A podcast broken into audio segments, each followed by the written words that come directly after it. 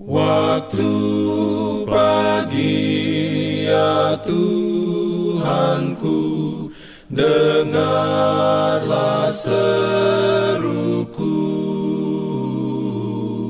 Melayang doa yang sungguh Memandang padamu. Selamat pagi pendengar Radio Advent Suara Pengharapan Mari mendengarkan suara Tuhan melalui tulisan pena inspirasi agama yang bersinar. Renungan harian 20 Desember dengan judul Kita akan menjadi seperti Dia.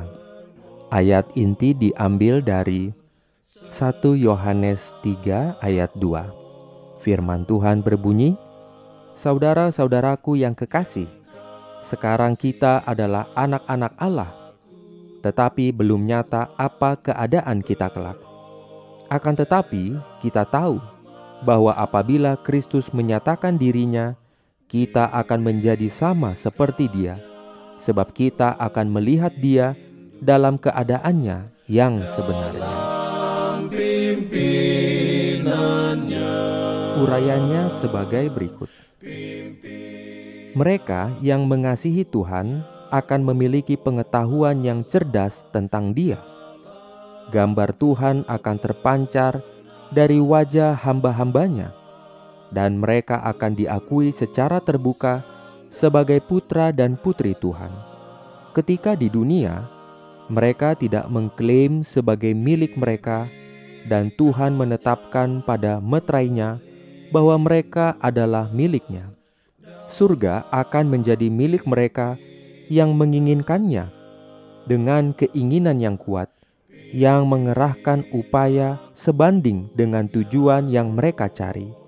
Pikiran mereka yang akan memperoleh surga akan tertuju pada hal-hal surgawi, tetapi mereka yang semua terseret oleh kegembiraan dan kesenangan dunia ini tidak akan memiliki kasih apa pun untuk Tuhan atau surga mereka yang tidak senang memikirkan dan berbincang tentang Tuhan dalam hidup ini tidak akan menikmati kehidupan yang akan datang, di mana pun Tuhan selalu hadir berdiam di antara umatnya.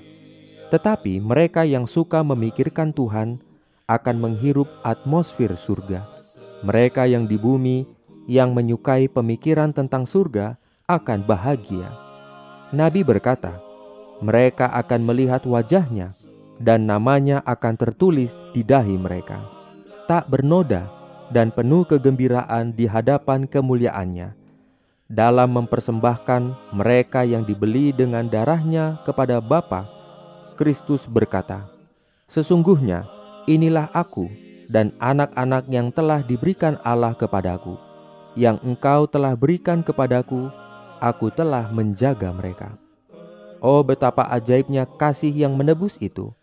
Kesukaan besar saat itu bila mana Bapa memandang mereka yang sudah ditebus itu akan melihat gambarnya. Perselisihan karena dosa dihapuskan. Kutukan dosa dibuangkan. Dan sekali lagi manusia selaras dengan ilahi. Amin. Diberikannya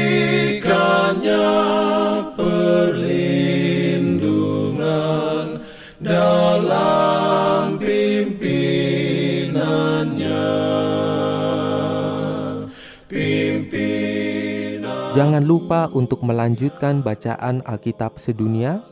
Percayalah kepada nabi-nabinya yang untuk hari ini melanjutkan dari buku Yesaya pasal 27. Selamat beraktivitas hari ini. Tuhan memberkati kita semua. Jalan kewajiban,